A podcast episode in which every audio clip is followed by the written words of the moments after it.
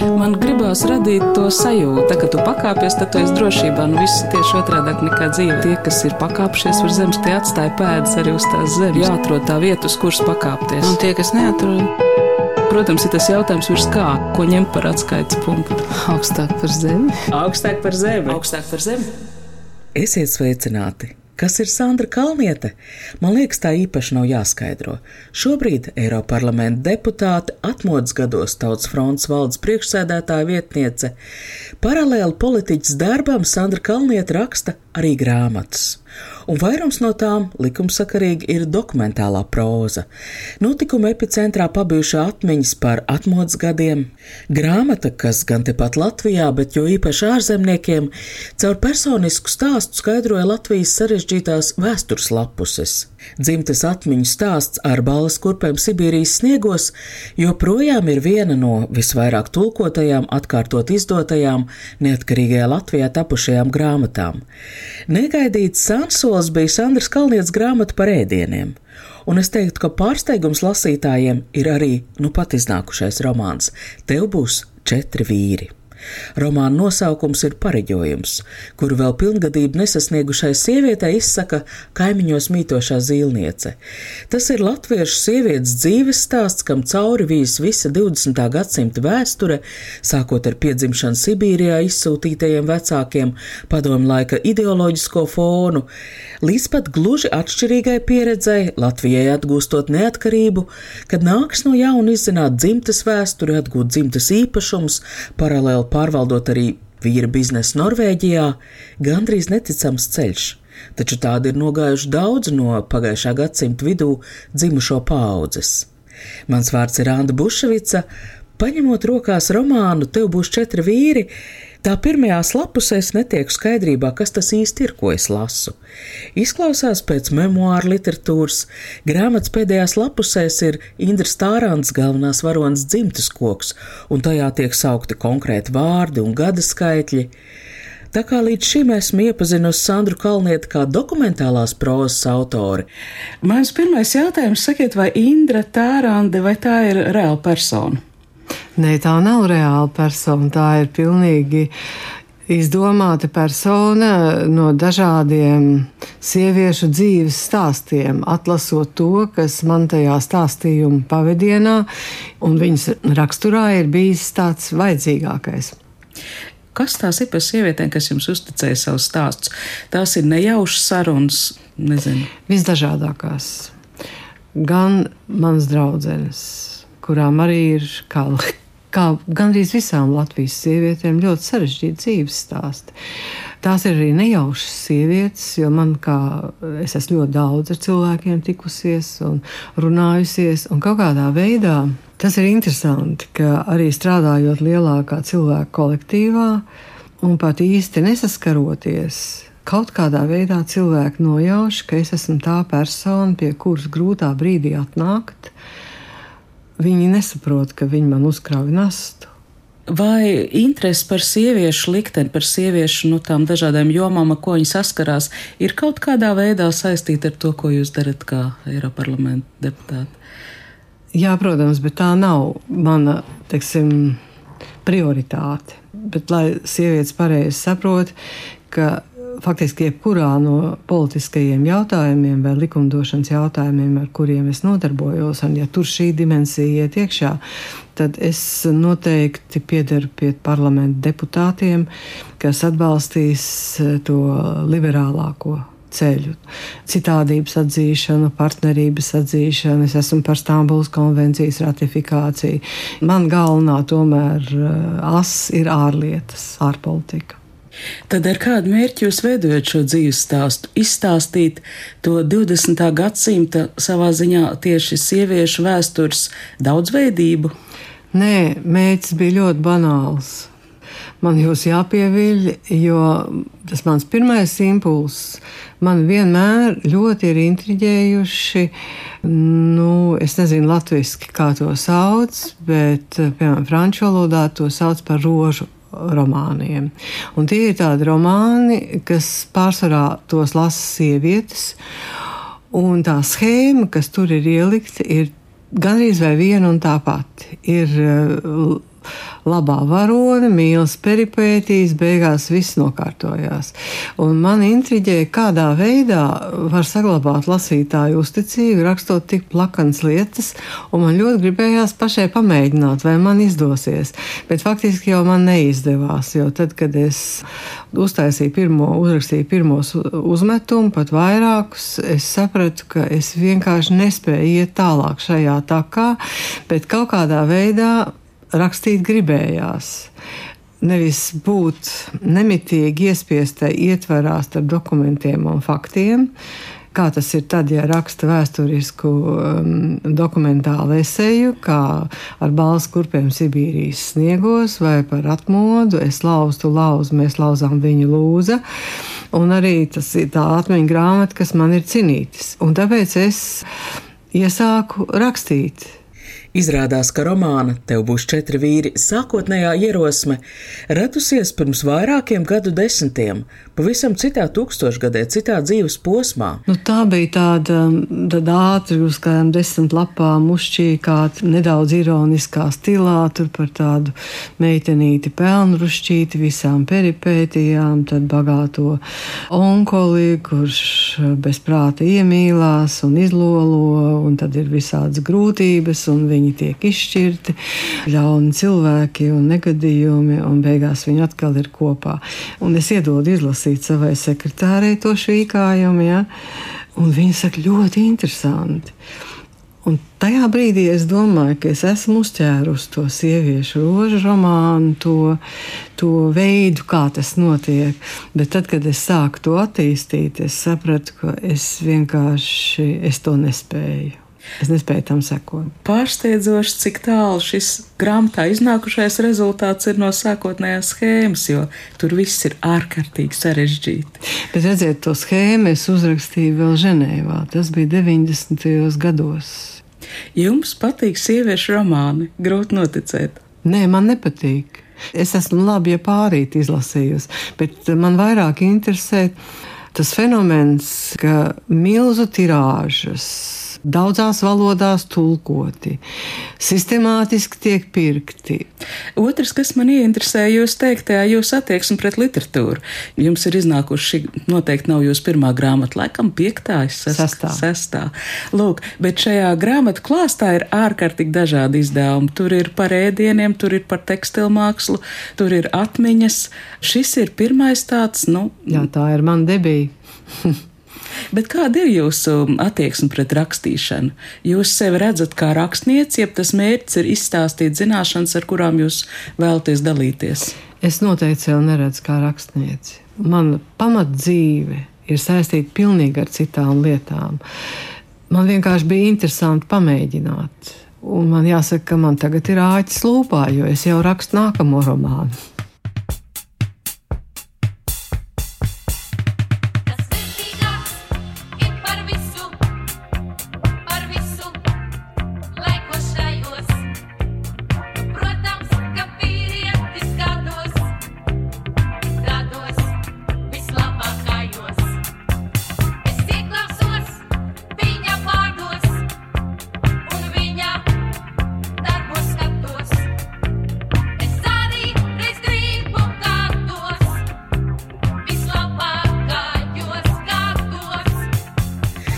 Šķiet, ka autors nodoms, ļaujoties te nepieklājīgajai domai, uzrakstīt sieviešu romānu dišpārdokli, ir bijis tikt vaļā no vēstures faktu diktāta, kas ierobežo fantāziju rakstot dokumentālu stāstu. Taču pārāk tālu no vēstures atspoguļojuma Sandrai Kalnietē nav sanācis tikt. Romānā ir pelnrašķīts mīlas stāsts. Tā ir tā sadaļa, kurā aprakstīts varonis trešais vīrs Norvēģis Trigve, taču vismaz divas trešdaļas romāna ir ļoti atklāts, skaudrs, padomju sievietes sadzīviskās sabiedrības priekšstatu arī seksuālās pieredzes atspoguļojums. Sarunās pēc intervijas Sandra Kalnieta atklāja, ka sākotnējā noruna ar izdevēju ir bijusi izdot šo romānu ar pseidonīmu. Un es esmu priecīga, ka autora beigās tomēr nolēma neslēpties. Sāku rakstīt šo jauno grāmatu, kuras segvārds bija Austra, jo sākotnēji man likās, ka tas būs stāsts par Austru. Bet es sapratu, ka man tas stāsts neinteresē. Man drīzāk interesē stāsts par Austrijas meitu, jo tā ir mana paudze. Un tas man dod iespēju iziet cauri tam ļoti grūtajam laikam, kurā mēs esam veidojušies un tad piedzīvojuši milzīgas pārmaiņas, un kā mēs dzīvojam šajās pārmaiņās. Un līdz ar to tas kļūst par stāstu par Indru Tārandu.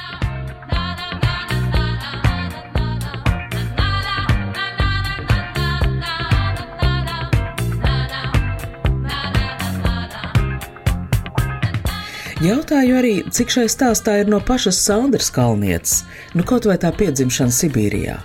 Atbilde ir noliedzoša.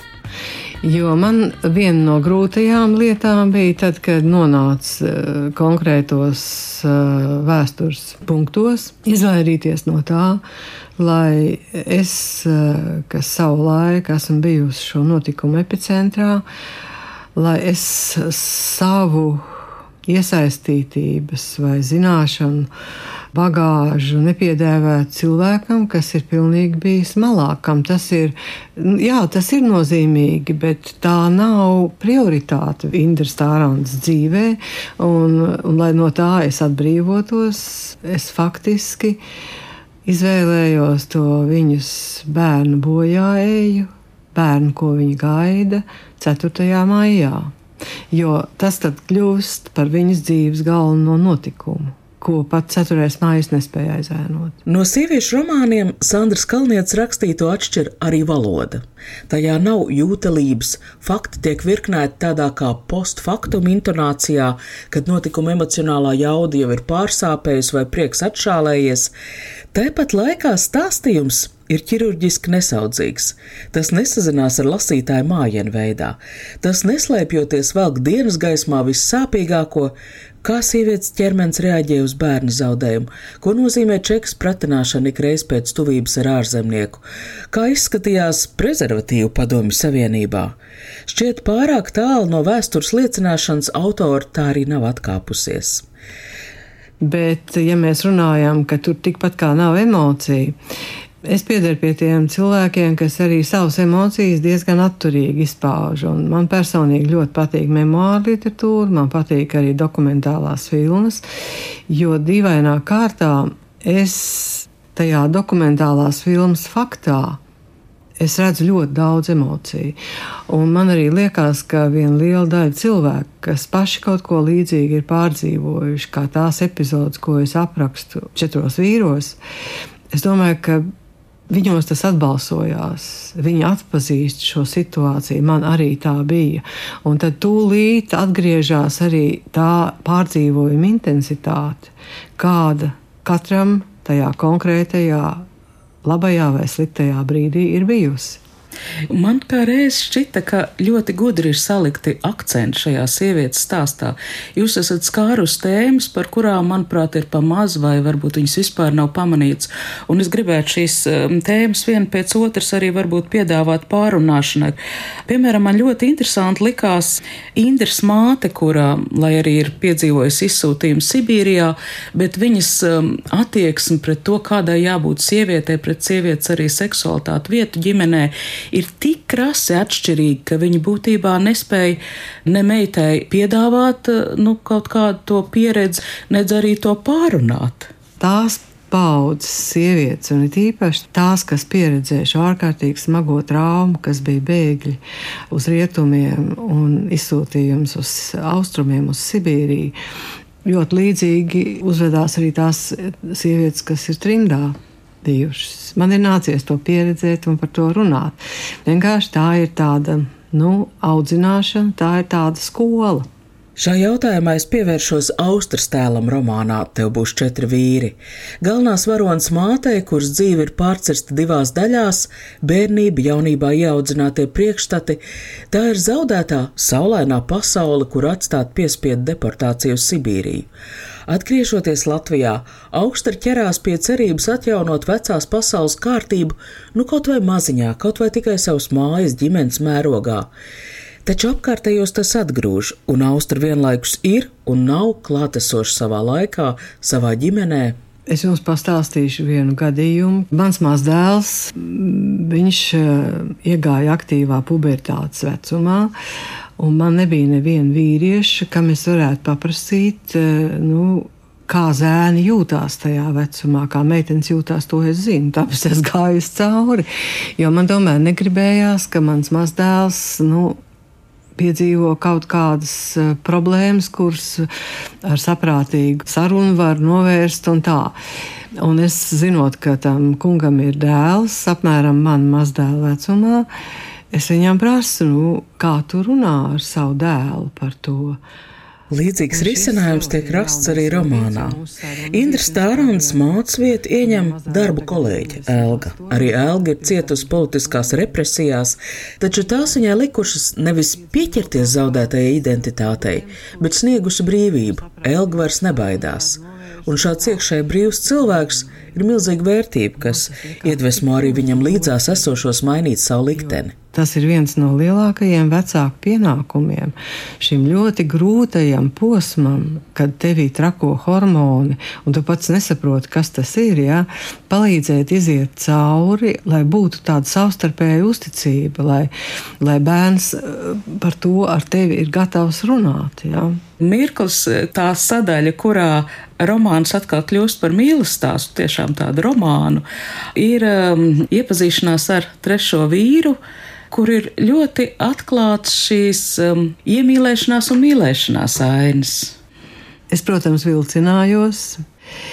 Taču man gribējās par tām atklāt runāt tieši tāpēc, ka arī mūsdienu sabiedrībā valda tādas divas tendences. Viena ir par to, var runāt katrā žurnāla lapusē, kā mehāniski kaili un brīžiem pat vulgāri. Tās attiecības ir daudz kas vairāk nekā tur pastāstīt, kādu kleitu vilkt, vai plikai staigāt, vai ko tur. Ja? Un otrs ir, ka ir viena daļa cilvēku, kas īstajā dzīvē vispār par to nerunā.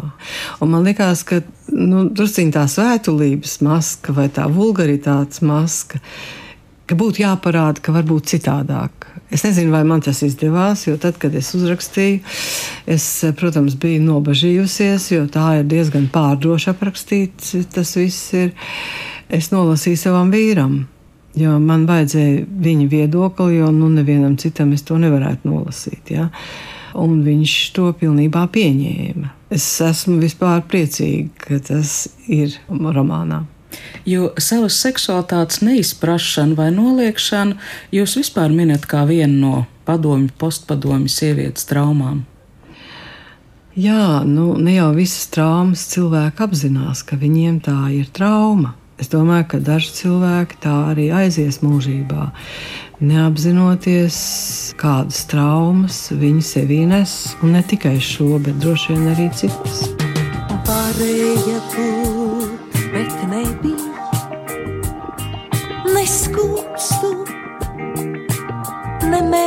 mēnesnīca, mēnesnīca. Tomēr dvēselē slēpu mani, tu nesi līdzi.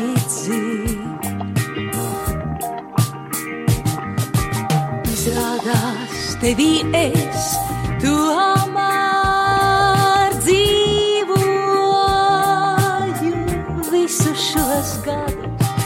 visus šos gadus. Līdzās visapslēgtākām domām visus šos garos gadus jāņem jau arī vērā, ka tie 50 gadi, kad mēs dzīvojām režīmā, kur vienīgā īstā mīlestība bija komunistiskās partijas mīlestība, nu, to es ar tādu ironiju. Ja? Tie tomēr ir 50 gadi, kas ir izņemti no tādas regulārās Eiropas attīstības un pasaules demokrātiskās sabiedrības attīstības. Un es domāju, ka, ja nebūtu bijis šo 50 gadu, mēs būtu turpat, kur šodien ir Zviedrija vai Somija vai vienalga Dānija. Jo tās jau arī bija sabiedrības, kurām 68. gads kas ir tāda liela vērtība pārvērtēšana Eiropā un arī Amerikas Savienotajās valstīs, tieši sabiedrības dzīvēs, ja, kad jaunatne vairs nevēlas pieņemt šo nosacītību. Ja.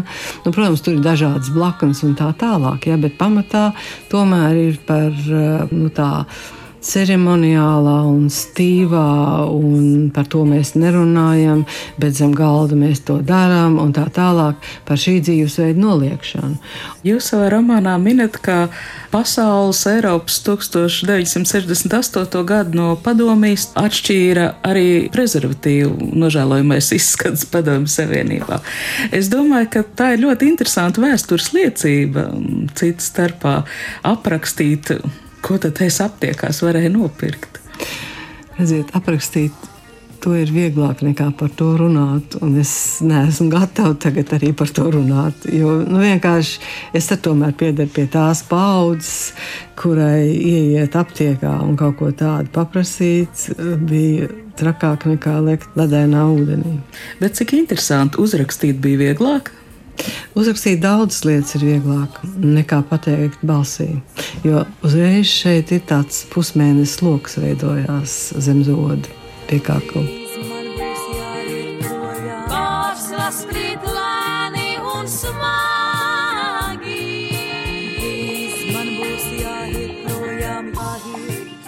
Vēl viena tēma, kas ir šajā romānā un kurai es gribētu pieskarties, dzīvojamās platības jautājums.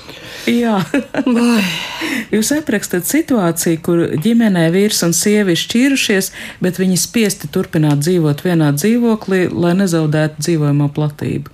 Vienā dzīvoklī, divās istabās, tas jau ir labos apstākļos, bet vēl briesmīgāk ir, bija visi tie gadījumi, kad eh, vienā istabā dzīvoja faktiski abas jaunās ģimenes. Bijusī sieva ar savu jauno vīru, un bijušais vīrs ar savu jauno sievu, un starp viņiem bija skapis vai sliktākajā gadījumā aizskars. Un es reiz vienai savai darba kolēģei Man ir diezgan liela darba kolektīva pieredze no visdažādākajiem sociālajiem slāņiem. Jo savu laiku es strādāju uzņēmumā Baltijas modes, es mācījos par šo vēju. Un tie divi gadi, ko es tur pavadīju, man deva ļoti lielu ieskatu tādā sieviešu dzīvē, jo tur ļoti atklāti sievietes runāja par savu dzīvi. Vēlāk es tik atklātas sarunas vairs nekad neesmu dzirdējusi. Ja. Es klausījos, ko viņas runāja. Ja. Nu, tad tad uh, tur bija tāda kundze, kurai bija jādzīvo aiz tā aizskar savu jauno vīru. Un es sapratu, ka tad, kad viņi gribēja būt tuvi, viņi īrēja lielupē laivu un brauca iekšā niedrēs. Saprotiet? Un kā vispār var kaut kādas laulāto attiecības un mīlestību noturēt, ja ir šādos apstākļos jādzīvo? Ja? Kaktus ir reti zīri, lēni jau lēni dienas vien ātri projām iet, bijušas neatsaukt.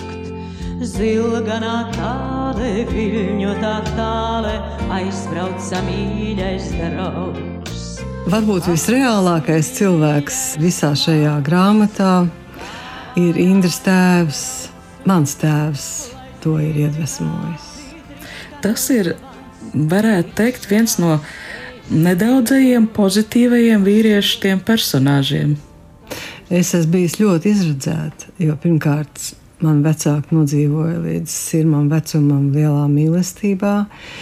Un to, cik liela tā bija, nu, kaut vai tāda detaļa, tad, kad manā mamma aizgāja mūžībā, tēvs daudz vēlāk, viņš turpināja kopt viņu kopīgo ģimenes dārzu, īpaši puķu dobas, tieši tā, kā Ligitiņa būtu gribējusi. Un es domāju, tā ir mīlestība nu, tādā visdziļākajā formā. Galvenais varonis dēls mirst, bet eh, ir mazbērni. Un es eh, vēlējos pajautāt, cik jums šķiet svarīga šī asiņu turpināšanās līnija? Man tā šķiet ļoti svarīga. Man personīgi, kad es manam mazdēlam bija apmēram viens mēnesis, kad man bija iespēja atbraukt uz Latviju, no Ženēvas, kur es tajā laikā strādāju, un pirmo reizi viņu ieraudzīt. Tas brīnums un tā karstā strāva, kas man izgāja cauri, kad es domāju, manas asinis trešajā paudzē Bet tās nav tikai manas asins. Man, piemēram, bija tāds kluss sapnis, kas nepiepildījās, jo manam tēvam, mans mazdēls ir ceturtajā paudzē. Un, ja bērni dzimtu tik agri, kā iepriekšējām paudzēm, mans tēvs būtu varējis piedzīvot, paturēt rokās savu pēcteci piektajā paudzē. Nu, tas, diemžēl, nepiepildījās, jo tagad ir cita dzīve un pareizi, ka ir cita dzīve. Šorīt es skatos, kaktus ir ziedos, sarkanos zvanos skan. Jūrā, kad saule brien, teve pievestānumā, zvani pie tevis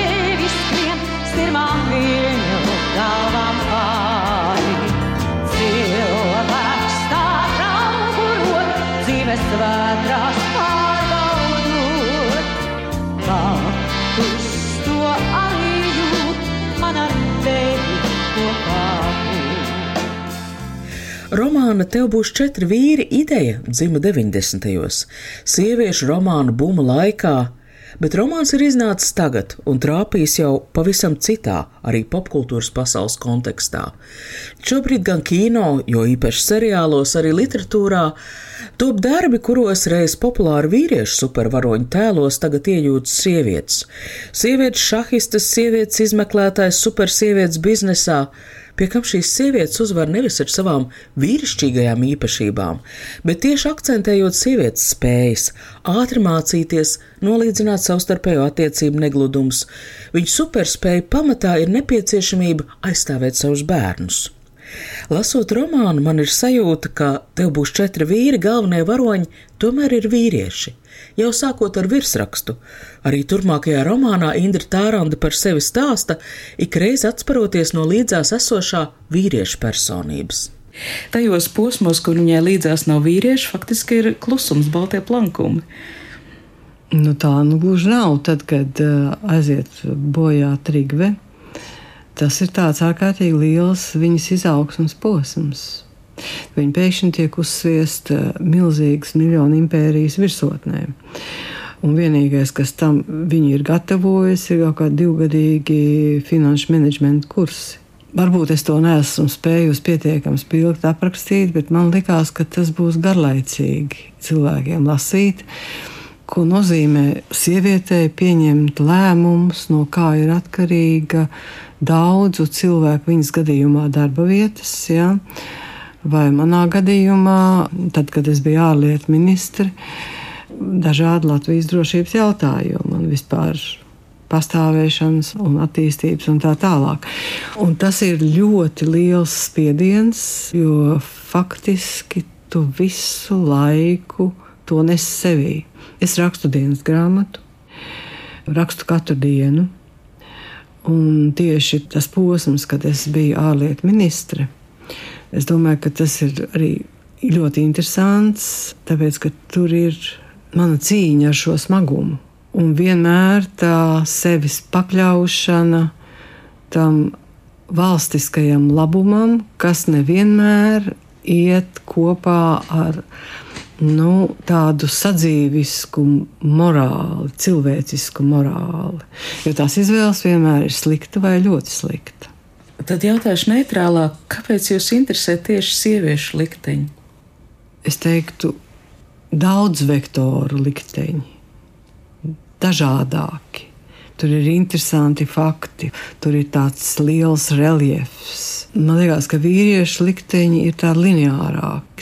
Romāns Tev būs četri vīri, manuprāt, grāmatplauktā liekams līdzās vēsturisko romānu sērijai Mēs Latvija 20. gadsimts, jo tas ar mums kā sabiedrību dara to pašu terapeitisko darbu ļauj emocionāli līdzpārdzīvot noklusētos vēstures notikumus, palīdzot šoreiz caur literatūru aizpildīt robus kolektīvajā atmiņā. Ar grāmatas autoru Sandru Kalnietu sarunājās Sanda Buševica, šī raidījuma skaņoperators Valdis Raitums. Tā kā tu pakāpies, tad tu esi drošībā. Nu, viss ir tieši otrādi nekā dzīve. Tas ir tā spēle, jā. Tie, kas ir pakāpšies uz zemes, tie atstāja pēdas arī uz tās zemes. Protams, ir tas jautājums, ko ņemt par atskaites punktu. Nē, nu, principā ir skaidrs, augstāk par zemi. Jāatrod tā vieta, uz kuras pakāpties. Augstāk par zemi. Augstāk par zemi. Augstāk par zemi.